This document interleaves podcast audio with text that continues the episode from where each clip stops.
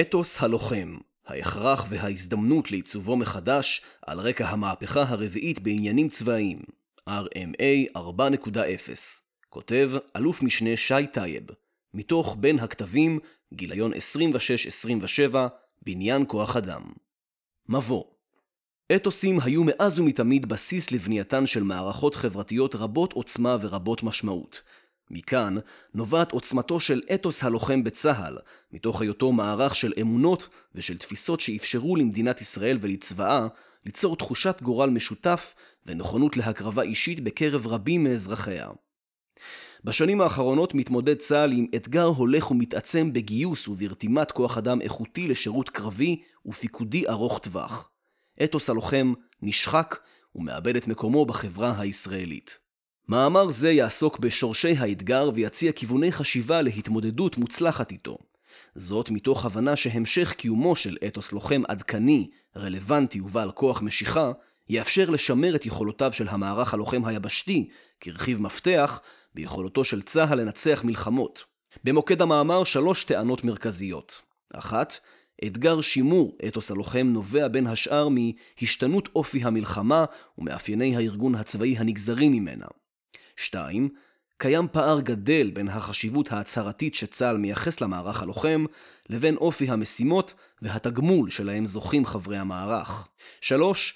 המהפכה הטכנולוגית הרביעית מגלמת פוטנציאל להפיח חיים מחודשים במערך הלוחם היבשתי, באופן שעשוי לסייע לצה"ל לגייס ולשמר את הטובים ביותר במערך זה, אולם נראה כי אין בידינו את הפריבילגיה להמתין להתממשותה.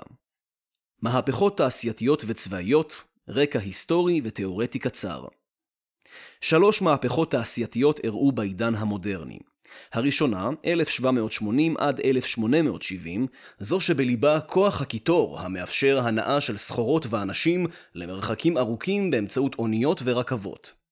השנייה, 1870 עד 1970, נשענה על מנוע הבעירה הפנימית והחשמל, ואפשרה את פס הייצור ההמוני, את ההיקפים הגדולים ואת האיור המואץ.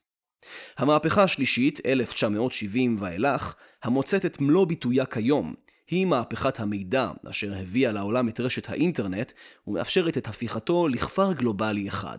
המהפכות התעשייתיות הובילו לשינויים מהותיים באופי המלחמות. המהפכה השלישית בעניינים צבאיים, RMA 3.0, מתאפיינת בתהליכים מהירים של עיבוד מידע מהיר, בשיפור דיוק בקבלת החלטות בזמן אמת, ובהקצאה מדויקת יותר של משאבים. בשדה הקרב מתבטאת המהפכה השלישית בפעולה באוויר בשילוב מודיעין ותקיפה, המאפשרים רכישת מידע והפעלת כוח אש מדויק בזמן אמת, ובבנייתן של מפקדות נייחות, עתירות כוח אדם ואמצעים, הדרושות לעיבוד מידע ולתרגומו לתפוקות מבצעיות. המהפכה השלישית הובילה לשינוי משמעותי גם בתחום כוח האדם, בעוד שהמהפכות הקודמות העמידו במרכז כישורים פיזיים ומנהיגותיים כהכרחים לצורך ניצחון בשדה הקרב, המהפכה השלישית במידה מסוימת דחקה אותם לטובת יכולות בתחומי המחקר והערכה של מידע כמותי ואיכותני, ובתחומי הטכנולוגיה והניהול. כאמור, מהפכה זו הביאה לחיזוקן של המפקדות ושל יכולות עיבוד המידע. הדבר מחייב שיבוץ של בעלי תפקידים בעלי יכולת קוגניטיבית גבוהה, המסוגלים ללמוד ולעבד מידע רב בזמן קצר, לתפעל שורה רחבה של מערכות ולנתב מידע רלוונטי לכוחות הפועלים בזמן אמת. לעומת זאת, התביעות המנהיגותיות והפיקודיות מבעלי תפקידים אלה משמעותיות פחות. ראשית, משום שסביבת הפעולה אינה כזו המתאפיינת בסיכון חיים, וכן היא אינה תובעת מן המפקדים והלוחמים אומץ לב ונחישות נוכח פני האויב. נוסף על כך, אתגרי הפיקוד והשליטה אינם מן הסוג המחייב בהכרח היררכיה סדורה וברורה, אלא כאלה האופייניים יותר לארגון שטוח ורשתי. דווקא היכולת לשבור את המחסומים ההיררכיים יכולה להביא למועילות גבוהה יותר בתחומים אלה. אופי התפקידים בצבא במערך המממש את המהפכה השלישית מחייב לכאורה כוח אדם מסוג אחר מזה הנדרש בעבור המערך הלוחם היבשתי. אמנם מבחינה כמותית מדובר במערך קטן בהרבה ממערך הלחימה, אולם הדרישות הקוגנטיביות מרבים מבעלי התפקידים המשרתים את מערכי המהפכה השלישית עשויות להיות גבוהות יותר בממוצע.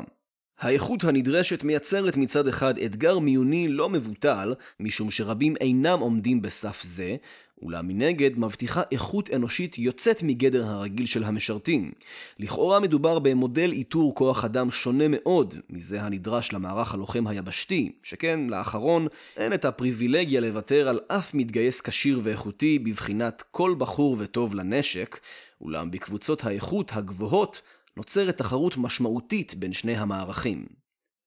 השפעת המהפכה השלישית על אתוס הלוחם בצה"ל המהפכות השונות ברובד האזרחי וברובד הצבאי, אין בהן לכאורה כדי לבטל האחת את השנייה. כל אחת מהן אפשרה קפיצת מדרגה יוצאת דופן, אך כאמור, לא ביטלה את זו שקדמה לה.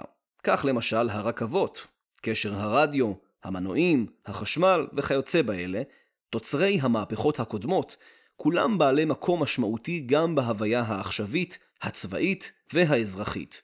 כולם יחד, עם תוצרי המהפכה השלישית, אמורים לפעול זה לצד זה ובאופן משולב. כך גם אמורה הייתה להיות השפעתם במרחב הצבאי. הערך המוסף של המהפכה השלישית אמור היה להיות נדבך נוסף בקטלניות הכוח המתמרן, שבלעדיו לא ניתן להכריע את הקרב. גם המרכיבים האנושיים של הצבא היו אמורים לכאורה לתפקד זה לצד זה בהרמוניה. מערך לוחם המצוי בחוד החנית ובראשו מפקדים חזקים, אמיצים ומנהיגים, ולצידו מערכים טכנולוגיים ומודיעיניים הממצים את יכולותיו האישיות של הפרט לצרכים מבצעיים, גם אם במטה. בכלל התחומים זו הייתה צריכה להיות התוצאה התואמת את טבע התפתחותן של אותן מהפכות, אולם אפקט תודעתי שנוצר בקרב הקברניטים בצבא ומחוצה לו, ייצר בידול בין המהפכה השלישית לאלו שקדמו לה. דווקא בשיא מימוש המהפכה השלישית החל להתפתח מחסום מנטלי משמעותי, אשר נטרל, הלכה למעשה, את הערך המצטבר האפשרי של המהפכות והוביל להיפרדות ולא להצטברות. התופעה באה לידי ביטוי בלא מעט מהמדינות המפותחות. למשל במסגרת הנכונות הפוחתת לקבל אבדות בנפש כתוצאה מעימות צבאי, ובהתאם להימנעות ממהלכים צבאיים העלולים להביא לכך, כגון תמרון קרקעי. יאיר גולן ביטא את התוצאות של הניתוק הצבאי בין שתי המהפכות באופן חד בהתייחס למבצע צוק איתן. ציטוט בצוק איתן ירה חיל האוויר 1,200 חימושים מדויקים על מטרות ריקות, היו תוכניות לצבא היבשה להיכנס לעזה, לא על מנת להישאר, אבל חוסר האמון של הפיקוד הבכיר בצבא היבשה והחשש מאבדות הביאו לכך שלא נעשה כל תמרון קרקעי. סוף ציטוט. כלומר, יישומה המוצלח של המהפכה השלישית בעניינים צבאיים בצה"ל תרם לשחיקה במעמד התמרון היבשתי, שביטא במשך שנים את מהותו של מרכיב ההכרעה בשדה הקרב, וכיום איננו נתפס עוד בעיני רבים כמשמעותי דיו וככוח מחץ הכרחי. מרכיבי הלחימה שבמוקד המהפכה השלישית, מודיעין וכוח אש מדויקת, עלו ותפסו את מקומם בשנים האחרונות, והפכו להיות הכלי המרכזי שמפעיל צה"ל הן במערכה שבין המערכות, מב"ם, והן במערכות עצמן.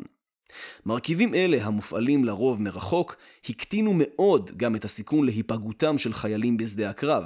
עניין שכאמור הלך ותפס מקום נכבד בשיקוליהם של מקבלי החלטות במדינות רבות, וייצר למעשה את המלחמה הפוסט-הרואית. בישראל בפרט הועצם שיקול זה על רקע הירידה בתחושת ההכרחיות. העובדה כי בניגוד לעבר, ספק אם מדינת ישראל מצויה במצבה הנוכחי תחת איום קיומי, מגדילה את החשש מהפעלה של מרכיב מבצעי שהמחיר בצידו עלול להיות גבוה יותר. המודיעין האיכותי בזמן אמת והאש המדויקת מאפשרים לצמצם את המחיר בנפש. למעשה, התמרון הקרקעי נותר כאפשרות שרבים נוטים לחשוב שלא תופעל במלוא עוצמתה בשעת חירום, וכפועל יוצא מכך, השקעת המשאבים בפיתוח שיטות הלחימה והאמון ביכולות אנשי היבשה לבצע את המשימה, אינם עוד דבר המובן מאליו. מדובר בשיקולים סבירים ביותר, אולם הם הדגישו ביתר שאת את מורכבותה של סוגיית המשמעות בקרב הלוחמים והמפקדים ביבשה. השחיקה במעמד הכוח המתמרן לעומת לחימת מודיעין אש המבוססת על טכנולוגיית מידע, שחקה את אתוס הלוחם. נוצר מעין מעגל קסמים שהביא למבוכה שבה מצוי התמרון היבשתי ואף פגע ברוח המפקדים והלוחמים בהיבטים של תחושת המסוגלות, רוח הקרב ומעל הכל כאמור במשמעות שהם מייחסים לעשייתם. ככל הנראה השפעתו ניכרת גם על המיועדים לשירות ביטחון. למרכיב המשמעות הצטרף משתנה משמעותי נוסף בדמות היעדר ההוגנות כלפי המשרת עם כניסתם של שיקולים משמעותיים נוספים בהחלטות הפרט לגבי אופי שירותו, לרבות סוגיות הקשורות בפיתוח אישי, קריירה עתידית, חיי משפחה, שכר ותגמולים ומעמד חברתי. המהפכה השלישית תרמה לכך שאלה הנהנים ממעמד משודרג בצבא ומחוצה לו, הם דווקא המשרתים בתפקידים שאינם שייכים למערך הלוחם. המאבק על השארת הטובים ביותר, גם במערכים הטכנולוגיים, חייב את הצבא לפעול במקומות שבהם התחרות עזה ביותר מול השוק האזרחי, ומתוך כך לגבש מענים שונים שעלולים לפגוע בעדיפות שניתנה למשרתים במערך הלוחם, מהיבטים של מיון, דרך נושאים חומריים ועד אמירות רכות על אודות חשיבותם של תפקידים שונים. יתרה מכך, בעבר זיכה אתוס הלוחם חיילים ומפקדים קרביים בהילה מיוחדת במרחב הציבורי הישראלי, והצביע על היותם בעלי מיומנויות אישיות ומנהיגותיות. כיום זיהוי של תפקידי המהפכה השלישית עם עולמות תוכן של טכנולוגיה הפך להיות כרטיס הכניסה החדש לניידות חברתית וכלכלית ויש בו לכאורה את כל מה שנדרש משירות צבאי איכותי, תורם לצבא ותורם לפרט, אך ללא סיכון. אם כך, חיילים ומפקדים קרביים איבדו לכאורה את מקומם כחוד החנית של העשייה הצבאית ואף נותרו מאחור במעבר למרחב האזרחי עם סיום שירותם. דוגמה אחת להשפעה של שני המרכיבים הללו ולאתגר המוטיבציה לשירות במערכים קרביים ניתן למצוא בממצאים מבדיקות שנעשו בעבר על פיהן מקרב המתמיינים למערכי המודיעין והטכנולוגיה השונים. עשרות רבות הביעו טרם הגיוס מוטיבציה גבוהה גם לשירות ביחידות שדה מובחרות, אך בחרו לבסוף לשרת בתפקידים אחרים. דוגמה זו היא רק ביטוי אחד לירידה הולכת ומתמשכת בנתוני המוטיבציה לשירות קרבי בקרב המועמדים לשירות ביטחון לאורך השנים האחרונות, ויש עוד רבות מסוגה. המהפכה הרביעית בעניינים צבאיים בצה"ל והשפעתה על אתגרי כוח אדם. המהפכה בעניינים הצבאיים עומדת בפתחו של הגל הרביעי שלה, RMA 4.0, המהפכה צפויה להעצים את השימוש בטכנולוגיה מתקדמת ובמרכיבים רשתיים שונים ברמת הכוח הטקטי, מתוך תפיסה כי התמודדות טובה יותר עם האתגר שמציב האויב, יכולה להיעשות רק על בסיס מפגש פיזי עמו של אותם כוחות מתמרנים מצוידי טכנולוגיה. יכולת עיבוד נתוני העתק תאפשר לאתר בסבך המידע האלקטרוני הסובב את מרחב הלחימה את הנתונים הרלוונטיים, את המבנים הקבועים ואת האנומליות בפעילות כוחות האויב, וכן את הכלים בסביבה שבהם ניתן לעשות שימוש או שאותם יש להוציא מכלל שימוש. יכולת הבינה המלאכותית בחיבור של הפעלת כלים רובוטיים מתקדמים ועצמאיים תאפשר ביצוע משימות מורכבות ומסוכנות בדיוק רב. ניתן לסמן את קו פרשת המים המבדיל בין טכנולוגיות המהפכה השלישית לזו של המהפכה הרביעית, בכך שהצרכן הצבאי בקצה הוא שותף מלא בתהליך, בייצור הידע ובמימוש בפועל של התועלות הנובעות ממנו, ואינו עומד עוד רק כספק מידע או נהנה בלבד מפעולות המתבצעות מרחוק או משולחנות המטה והתקיפה האחוריים. יישומה הצבאי של המהפכה הרביעית בעניינים צבאיים מחייב את נוכחות החיישנים ויחידות הקצה, טכנולוגיים או אנושיים, במקום שבו מתבצעת המשימה, שכן איסוף המידע הרציף, עיבוד הנתונים והפעלת הכלים השונים אינם יכולים להתחיל, אלא שם. צפויה להיווצר דינמיקה דו-כיוונית ורציפה בין יחידות הקצה, הכוח הלוחם, לבין המחשב המרכזי, המפקדות, כערך המוסף שאותו מייצרת המהפכה הרביעית. המחשת הערך המוסף יכולה לבוא לידי ביטוי דרך האתגר המבצעי הקיים בשדה הקרב העכשווי, שבו שיטת הפעולה של האויב המסתתר מביאה למצב שבו אחרי זמן קצר מאוד, אוזלות המטרות אשר נערמו בעבודה קשה של חודשים ושנים ארוכות, והכוח ההתקפי המפעיל אש מהאוויר או מנגד, מוצא עצמו מתוסכל, בעוד היעילות המבצעית שלו פוחתת לממדים המעמידים בספק רב את היכולת להכריע את המערכה. תופעה זו הייתה כאמור מנת חלקו של צה"ל במבצע צוק איתן. לאור זאת, ביטוי מבצעי יעיל ומלא של היתרונות הגלומים ביישומה של המהפכה הרביעית בעניינים צבאיים, הנשענת על נוכחות בשטח עוין, מחייב את קיומו של כוח פיזי המסוגל להביא את הטכנולוגיה אל נקודת הקצה, להגן עליה, לעשות בה שימוש יעיל, לתקן אותה, ולקיים שיח דינמי ורציף בינה לבין המערכה הבין-זרועית כולה, תוך כדי לחימה. ההנחה שרישות מעולה יהפוך את הקרב למיותר, או לפחות סביר בעתיד, אינה נכונה. אופיין החדש של מערכות המטרות שאחרי המלחמה הקרה, שיעמדו במקומן בסך הכל בין 30 שניות לשתי דקות, תובע שילוב תכליתי של כוחות מתמרנים והולמים במסגרת מערכתית בין-זרועית, שתאפשר לכוחות לנצל מיד מה שמתגלה להם. פיתוח גישת תמרון עדכנית התואמת את מרכיבי המהפכה הרביעית עשוי ליצור הזדמנות לעדכון ולעיצוב מחדש של אתוס הלוחם בצה"ל, במידה ותבוסס על ההזדמנויות המבצעיות הנובעות מיישום באמצעות כוח לוחם המגיע למגע פיזי עם שדה הלחימה.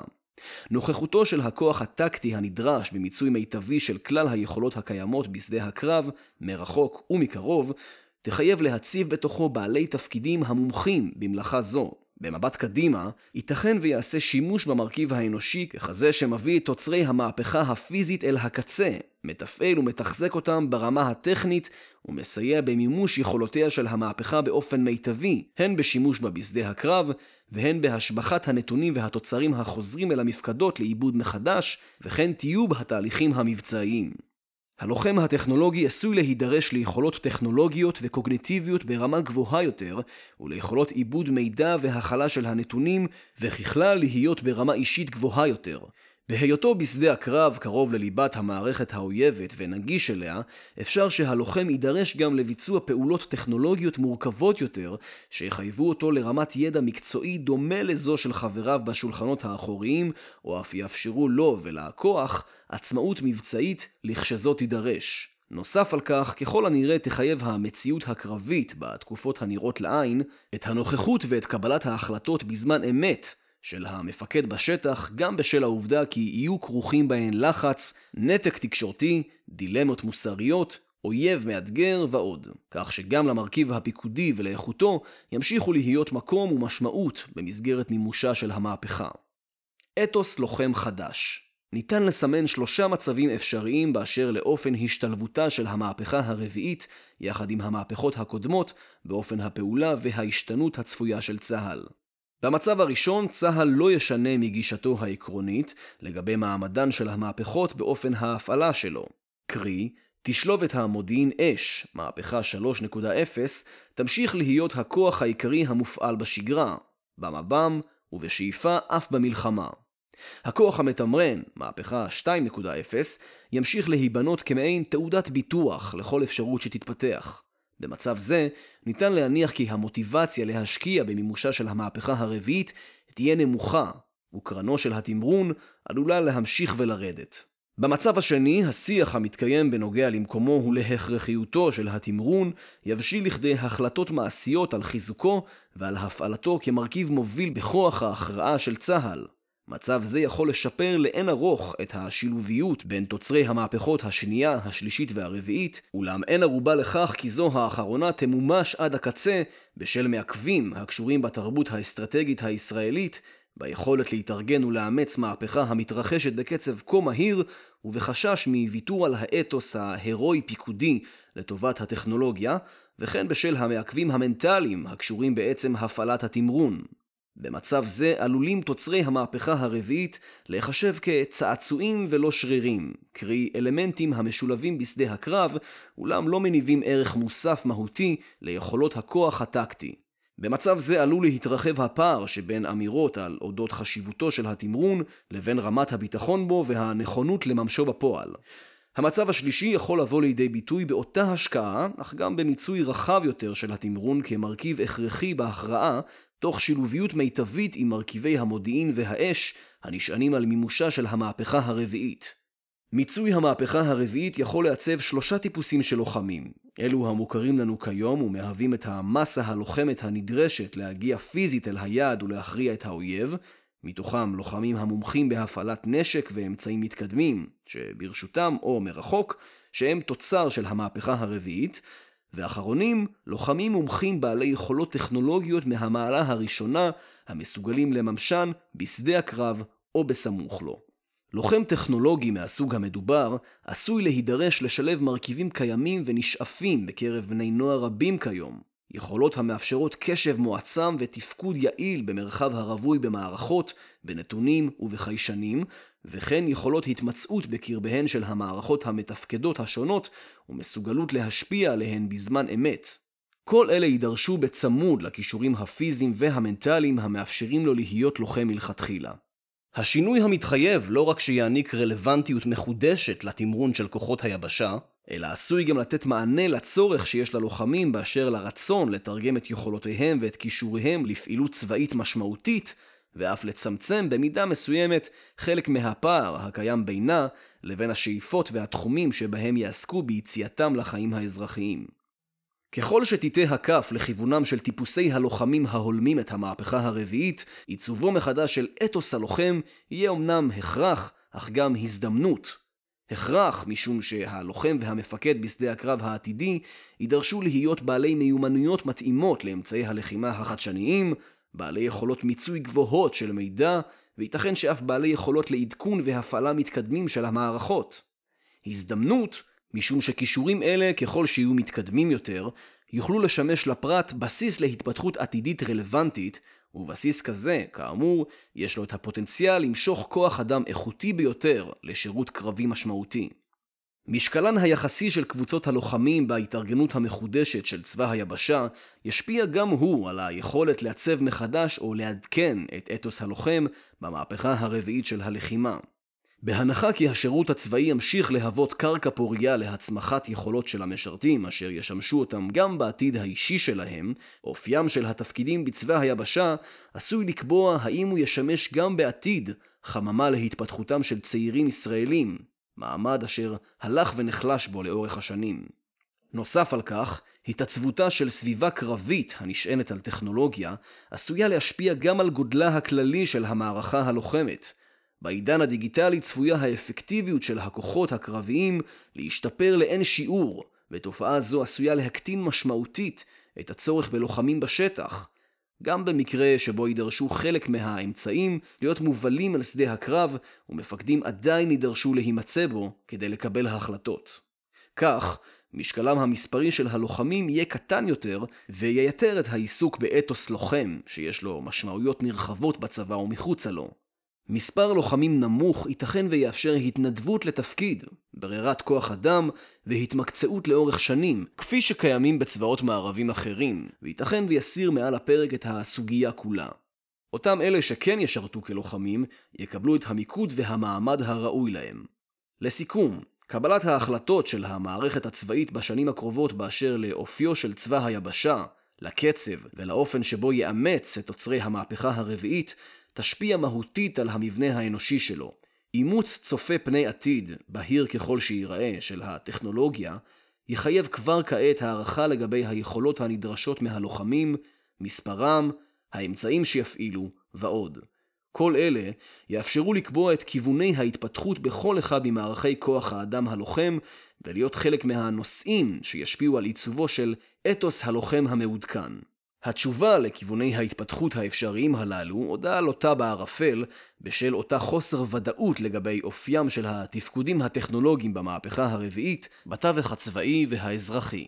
בצד כל אלה, ומעבר לשינויים התפקודיים האפשריים בפעולתם של הלוחמים עצמם, דומה כי חשיבותה של המהפכה הרביעית בעניינים צבאיים טמונה דווקא בפוטנציאל הקיים בה להשבת מעמדו של התמרון היבשתי כמרכיב מכריע בלחימה. השירות הקרבי מאז ומתמיד היה מאתגר, קשה ומסוכן, אך גם כזה שהתגמול בצידו, הערכי והחברתי, הוא גבוה, והמשמעות בו ברורה.